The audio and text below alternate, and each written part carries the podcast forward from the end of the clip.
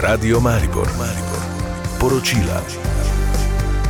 Prebira jih Zoran Turk. Zoran, dobro jutro. Dobro jutro in vabljeni k poslušanju. Poslanke in poslanci bodo na današnji izredni seji odločali o imenovanju Mateje Čalošic za ministrico za kmetijstvo, gozdarstvo in prehrano, potem ko je pristojni parlamentarni odbor v sredo prižgal zeleno luč. Med svojimi ključnimi nalogami je izpostavila zagotavljanje kmetijske in prehranske varnosti. Kot je dejala, se bo zauzemala za trajnostne oblike kmetovanja in za to, da bo poklic kmeta dobil večji pomen in bo postal privlačnejši, predvsem za mlade. Sindikat zdravnikov in zobozdravnikov Slovenije Fides in vladna stran bosta danes po pričakovanjih nadaljevala pogajanja, ki sta jih začela v sredo po torkovi opozorilni stavki sindikata. Danes je zadnji delovni dan pred napovedanim ponedeljkovim začetkom stavke do preklica, saj je pa sindikat pripravljen pogajati tudi med vikendom. Fites je stavko napovedal že 18. decembra, kot glavni razlog pa navedel neuresničenost vladnih zavez iz podpisanih sporazumov. Gre za odmikanje oblikovanja plačnega stebra za zdravstvo, s katerim bi uredili specifike dela zdravnikov, medicinskih sester in preostalih zdravstvenih sodelavcev in za plačno lestvico prilagojeno delu in zahtevnosti zdravstvenih poklicev. V zraku je tudi usoda plat sodnikov. Pričakovati je odločitev sodnega sveta o izvršitvi ustavne odločbe, ki nalaga njihovo zvišanje. Kot je napovedal predsednik sodnega sveta Vladimir Horvat, bodo, če odločba ne bo upoštevana, poudarili odgovornost zakonodajne in izvršne oblasti in napovedujejo od srede naprej opozorilno stavko. Ministrica za pravosodje Dominika Švarc-Pipan je napovedala, da bo ministrstvo zahtevalo ničnost kupoprodajne pogodbe, če je bil nakup 7,7 milijona evrov vredne sodne stavbe na Litijski cesti v Ljubljani opravljen na podlagi ponarejene ali prirejene dokumentacije. Kot so razkrili v oddaji Tarča na naši televiziji Slovenija, je cenilec podpisan pod cenitvijo dejal, da je cenitve opravila cenilka, ki je pripravila tudi prvotno nekaj milijonov milijonov evrov nižjo cenitev vrednosti stavbe. Nadaljujemo lokalno. Študentske domove Maribor vodi od 1. januarja s polnim mandatom Borod Gaber, potem ko je od 1. novembra to nalogo opravljal kot vršilec dožnosti direktorja. Napoveduje nadaljne investicije v obnovo domov in izboljšanje bivalnega standarda, pa tudi tesnejše sodelovanje s stanovalci. Starin ne bodo zvišali več Vesna Martinec. Borut Gaber prihaja v študentske domove iz univerzitetne knjižnice in ga je rektor za direktorja domov imenoval s 1. januarjem. Napoveduje, da bodo številne že prej načrtovane naložbe nadaljevali.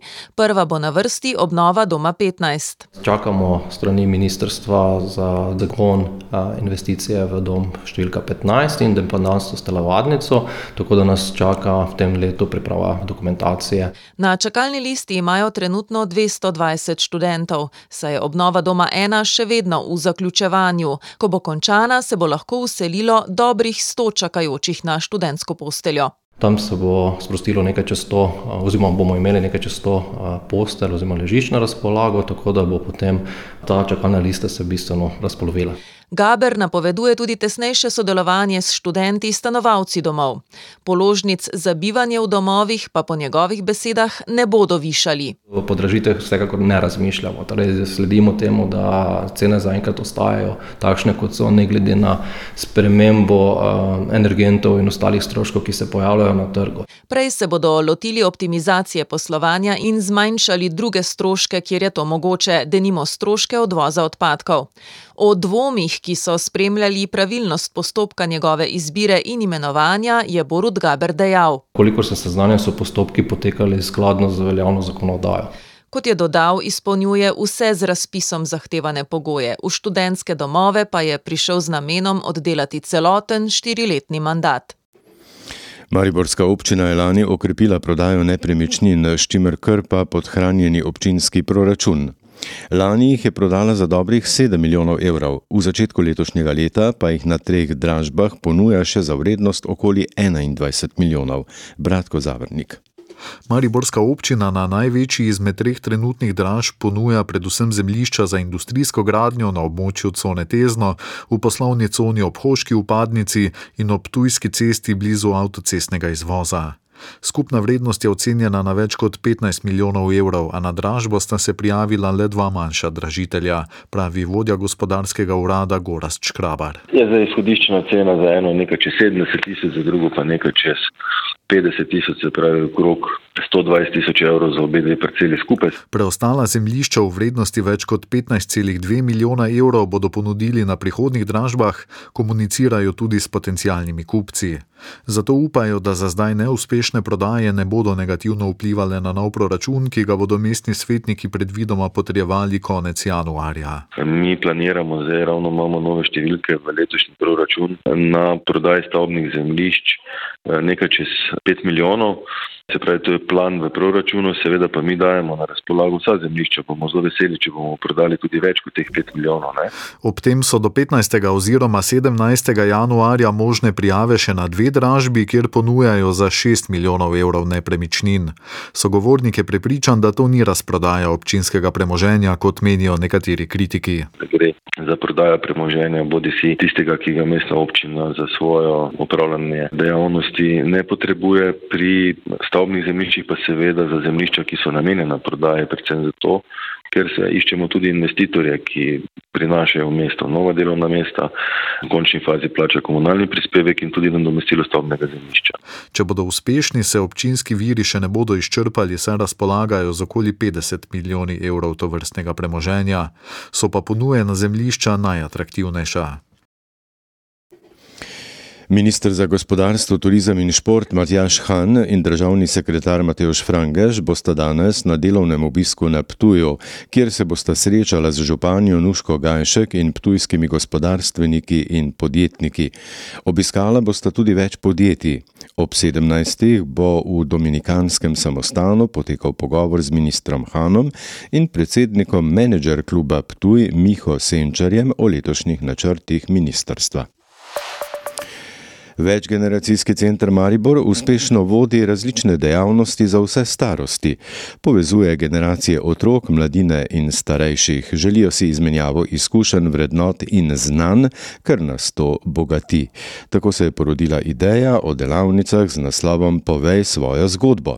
15. januarja ob 17. uri pa gostimo družino Novak. To je slovensko-brazilska družina oče slovenec, mama brazilka in pet otrok, njihovo zgodbo, kako so prišli v Slovenijo, kako sta se spoznala, kako so pa otroci naprej tako se razvijali in otroci tudi torej, pojejo, plešejo balet, tako da bo to kulturni dogodek z predstavitvijo družine Novak, torej slovensko-brazilske družine in njihove celo kulinarike. Bo za pokušino tudi nekaj brazilskih dobrot. Pove predsednik večgeneracijskega centra Maribor Miro Mihec. Ideje so dobrodošle, zato vabijo, da se jim ljudje pridružijo in povedo svojo zgodbo na delavnicah, ki jih organizirajo skoraj vsak teden. Šport. Slovenska moška rokometna reprezentanca je uspešno začela nastope na Evropskem prvenstvu v Nemčiji. V prvem krogu skupine D je v Berlinu z 32 proti 29 premagala Ferske otoke in zabeležila pomembni točki v boju za napredovanje v drugi del tekmovanja. Najboljši strelec pri Slovencih je bil z osmimi goli Aleks Vlah. Na Evropskem prvenstvu smo. Vsak igra, sploh oni igrajo brez pritiska, prišli si sem prvič. Sigurno bo je težek nasprotnik še za, še za koga. Uh, mi smo prebili ta led v drugem polčasu, se zbrali, zabili te zicere, klemen je povranu. Vsi so manjši nekako in sploh z našim tam blokom na sredini, ki so višji, sigurno predstavlja nek problem, ampak uh, mislim, da smo na koncu zasluženo zmagali. Zadnjih 15 minut vodili za tri gole, držali to prednost in uh, lahko samo črpamo pozitivne stvari iz tega drugega polčasa. Varovance selektorja Uroša Zormana jutri ob 18. čaka obračun s Polsko, v ponedeljek pa za konec prvega skupinskega dela še tekma proti Norveški. V drugi del napredujeta najboljši dve reprezentanci, skupina D pa se bo v Hamburgu križala še skupinama E in F. Odbojkarice Mariborske nove KBM drevi ob 18. uri čaka druga tekma drugega kroga državnega prvenstva. Njihove nasprotnice bodo igralke Luke Kopra. V Rušah se začenja tekma za veliko nagrado o streljanju zračnim orožjem. V Vengnu bo na sporedu superveleslalom za moške, v Rupoldningu pa sprint biatlonk na 7,5 km. Jaka Dobaj. Za jutranja poročila Radia Maribor, Bratko Zavrnik, Zoran Turk in Robert Zajšek. Hvala za pozornost.